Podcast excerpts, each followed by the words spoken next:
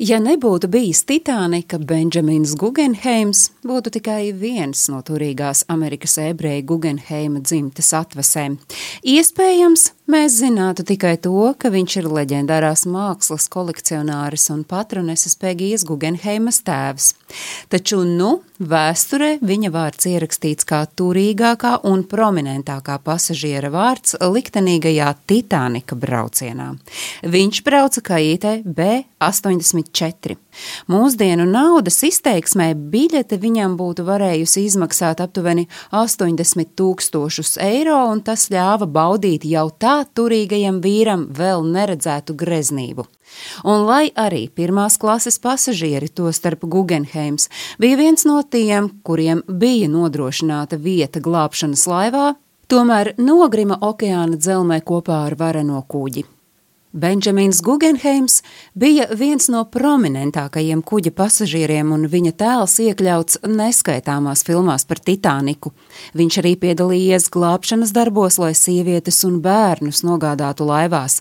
Pēc tam pats Guggenheims devies atpakaļ kuģa telpās. Nostāsti liecina, ka viņš tērpies savā labākajā smokingā kopā ar sulaini pēdējo reizi redzēti, dodoties kuģa lielo kāpņu virzienā.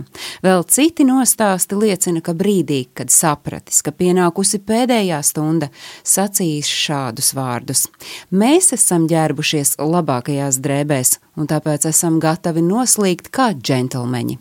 Grimšanas brīdī Benjamins ar draugiem esot atradies uz klāja, dzēris brendiju un smēķējis cigārus. Benjamins Guggenheims piedzima 1865. gada 26. oktobrī Filadelfijā, Pensilvānijas štatā, turīgā ģimenē.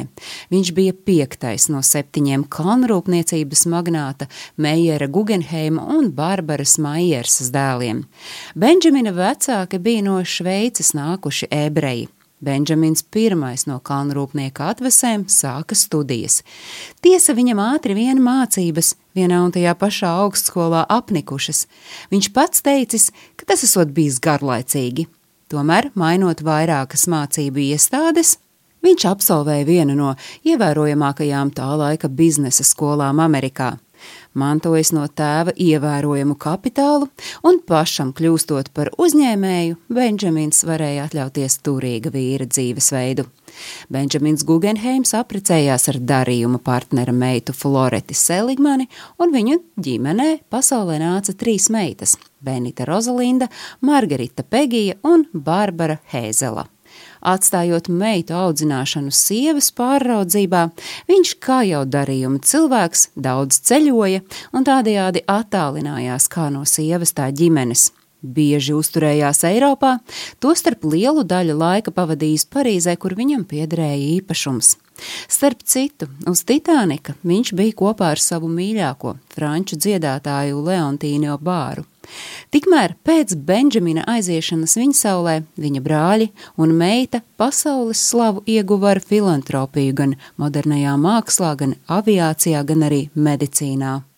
Viņi ziedojuši gan Guggenheima aeronautikas laboratorijai, gan Guggenheima paviljonam Sinai Kalnu medicīnas centrā. Tikmēr mākslas kolekcionāre Benžamina meita Pegija kļuva par modernās mākslas patronesi. Savu iespaidīgo Eiropas un Amerikas avangarda mākslas kolekciju uz Venēciju viņa pirmo reizi atveda 1948. gadā mākslas bienāles vajadzībām, un gadu vēlāk iegādājās ēku, kur atvēra muzeju un kur viņa pati arī dzīvoja kopā ar savu kuplo sunīšu saimi. Viņa tur palika līdz nāves stundai, un starp citu Pegija un viņas suņi apglabāti muzeja skulptūru dārzā Venēcijā, stāstīja Agnese Drunka.